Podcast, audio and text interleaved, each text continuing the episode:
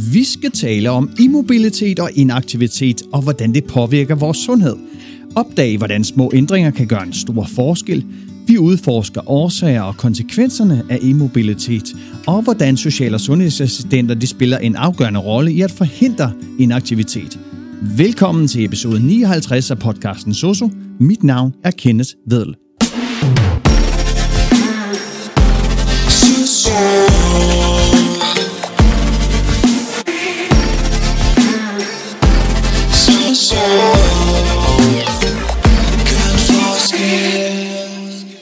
Hvorfor er det vigtigt at tale om immobilitet og inaktivitet?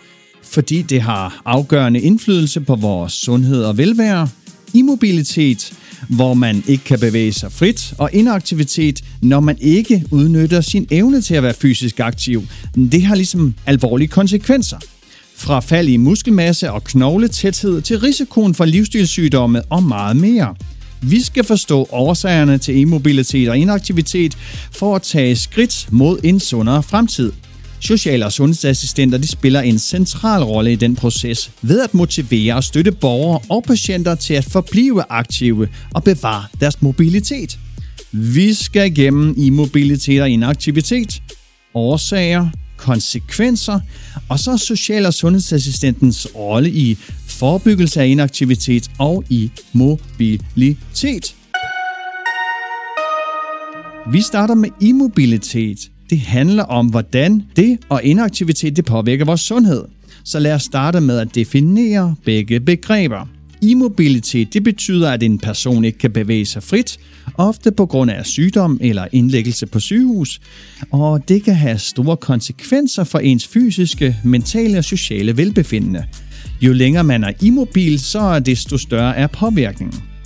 Inaktivitet det handler om, at man ikke er fysisk aktiv, selvom man i princippet kan. Du kender sikkert situationen, hvor du bare sidder eller ligger stille i lange perioder, og det kan føre til sundhedsproblemer, især hvis man sidder stille i længere tid ad gangen. Så det handler om at finde en balance.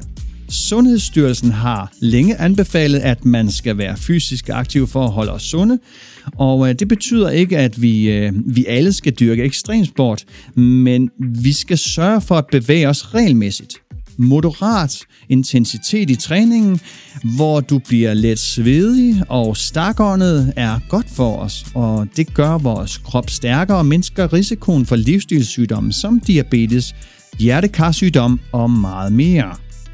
Sundhedsrådet siger, at hvis du er fysisk aktiv mindre end 2,5 timer om ugen ved moderat intensitet, så er risikoen for livsstilssygdomme større. Moderat intensitet er som at gå en rask tur, hvor du begynder at svede lidt, og ikke kan føre en lang samtale, så selvom dit arbejde som social- og sundhedsassistent kan være fysisk krævende, jamen så er det stadig en god idé at træne i din fritid. Fysisk inaktivitet kan have alvorlige konsekvenser. Det vidste man endda for flere tusind år siden. Den gamle græske læge Hippokrates sagde, at hvis vi ikke bruger vores kroppe, så bliver de syge og ældes hurtigere. Så det er ikke noget nys. En fysisk aktivitet, det er godt for os. For at undgå de negative virkninger af inaktivitet, så skal vi sørge for at være fysisk aktive. Du behøver ikke at blive en professionel atlet, men det er en god idé at finde, finde en motionsform, som du kan lide og som passer til dig. Og øh, det kan være alt fra at gå en tur i skoven til at tage en svømmetur. Og husk, det handler også om at inddrage borgerens eget ønske og behov i plejen. Så lad os komme op af sofaen og komme ud og bevæge os og tage vare på vores sundhed. Så har vi årsager til immobilitet, fordi immobilitet defineres som manglende evne til at bevæge sig frit, og det er ofte en konsekvens af sygdom eller hospitalsindlæggelse. Især ældre inaktive patienter er i risiko for hurtig immobilisering, primært på grund af deres allerede lave muskelkapacitet. Mange faktorer og sygdomme kan føre til immobilitet, og det kan inkludere fald og brud, skader på bevægelsesapparatet som muskler, sener, led og knogler. For eksempel kan et simpelt fald resultere i brækkede knogler som håndled, kravben eller hofte, eller sammenfald i ryggen hos personer, der lider af osteoporose. Desuden så kan muskler, sener og led påvirkes hos patienter med gigtlidelser, som slidgigt og øh, som ledgigt blandt andet. Neurologiske tilstande som apopleksi, sklerose, Parkinsons og demens, det kan også føre til immobilitet. Problemer i kredsløbet som overforkalkning eller overforkalkning i benene, også kaldet vindueskikkersyndrom, jamen det kan også begrænse bevægelse. Psykiske og sociale faktorer som mangel på motivation, det spiller selvfølgelig også en ret stor rolle. I en befolkningsundersøgelse jamen, så bruges kriterier som evnen til at gå 400 meter uden hvile, gå op ad ned ad trapper uden hvile og bære 5 kilo for at definere immobilitet. Cirka 29 eller cirka 9-27 procent af 60-årige danskere anses for immobile, og det tal det stiger med alderen. Plejepersonalets holdninger og indsats det er jo afgørende for at hjælpe inaktive borgere med at bevare deres funktion og undgå det her immobilitet. Og så er det værd at bemærke, at der er videnskabelig evidens for, at træning kan hjælpe inaktive personer med at genoprette mobilitet. Så det er rigtig vigtigt. Vi har en stor opgave, når vi kommer hos borgerne. Sundhedsstyrelsen har også udstedt retningslinjer for fysisk aktivitet, og det anbefales, at borgere og patienters eget ønsker og præferencer de inddrages gennem borger- og patientinvolvering. Immobilitet kan have alvorlige konsekvenser for sundheden, og det er vigtigt at forhindre eller håndtere det så tidligt som overhovedet muligt. Så har vi nogle konsekvenser i immobilitet – fordi nedsat fysisk aktivitet, det resulterer i svækkelse af kroppen, hvilket gør enhver fysisk anstrengelse mere besværligt og ubehagelig. Og den her onde cirkel, den kan jo eskalere og så føre til total immobilitet. Immobilitet det kan omfatte konsekvenser for kroppens funktioner. Musklerne de svinder ind, da de ikke bruges så ofte som før, og det kan føre til vægttab, da muskelvæv det vejer mere end fedtvæv. Knoglemassen den falder også, da knoglerne ikke opretholdes ved brug, og det øger risikoen for knoglebrud og osteoporose. Dårligere muskelmasse resulterer i tab af balance og øger faldrisikoen. Immobilitet forringer også evnen til at træffe hurtige bevægelser for at genoprette balancen, hvilket igen øger risikoen for fald. Lav mobilitet kan føre til forstoppelse og urininkontinens, hvilket yderligere forringer livskvaliteten. Træning kan hjælpe med at forhindre eller reducere de her problemer, hvilket selvfølgelig er afgørende for at bevare borgerens sundhed og velbefindende. Immobilitet det påvirker konditionen negativt, og det kan også resultere i åndenød og yderligere fald i helbredet. Langvarige sengeliggende tilstande det kan føre til lungeproblemer som lungebetændelse, lungeødem og især hos personer med hjerteproblemer. Og efter operation og langvarig sengeleje, så øges risikoen for dyb venetrombose, altså den her, de her blodpropper i benene, og mobilisering det er den bedste forebyggelse mod tromboser, da det aktiverer venepumpesystemet. Hvis patienter ikke kan mobilisere sig selv, så kan passiv muskelstimulering være nødvendig.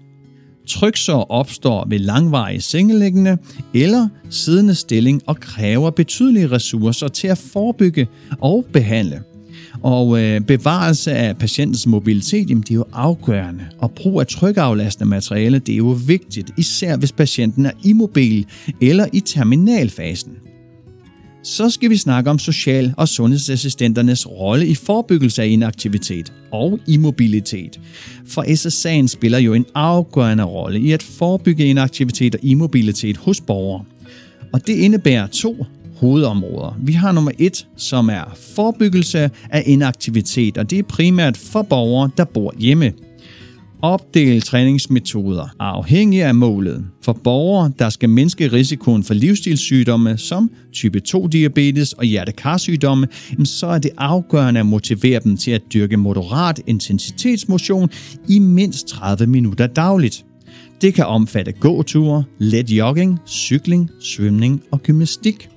Skab et netværk og støt borgeren med at finde motivationstilbud herunder idrætsforeninger med særlig hold til ældre og informere borgere om forventet tidshorisont for træningens effekt, så motivationen den fastholdes. Så har vi nummer to, som er forebyggelse af immobilitet, og det er primært på hospitaler eller i plejeboliger. Trods sygdom og indlæggelse er det vigtigt at opmuntre patienter til at forblive så aktive som muligt – understøtte patienter i at udføre daglige aktiviteter herunder personlig hygiejne og bevægelse rundt i faciliteten.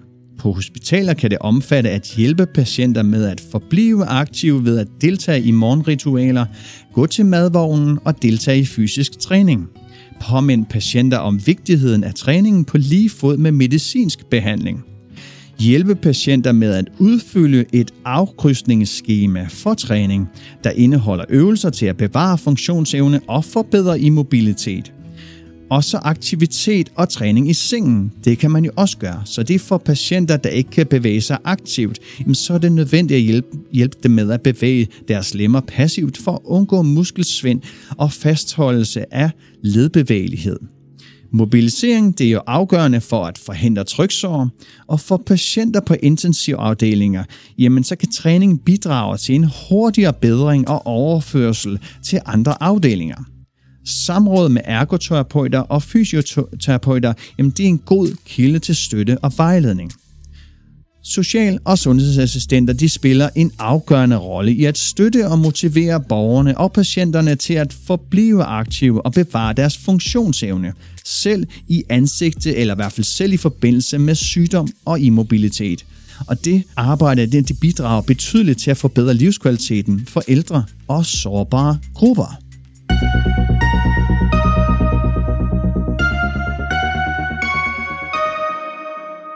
Lad os opmuntre og hjælpe vores borgere og patienter med at finde balancen mellem immobilitet og aktivitet.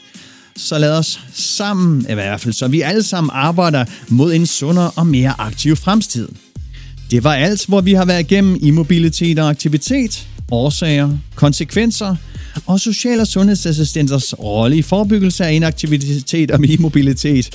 I næste afsnit skal vi tale om sundhed og sundhedsfremme. Tak fordi du lyttede med. Jeg håber, du føler dig inspireret og oplyst. Du kan finde mig på det sociale medie LinkedIn, og har du nogle spørgsmål, forslag til emner eller andet, er du velkommen til at sende mig en mail på sososnabelag positivlivsstil.dk. Du kan se links i show notes. Og så ses vi bare derude, hvor vi ønsker at gøre en forskel.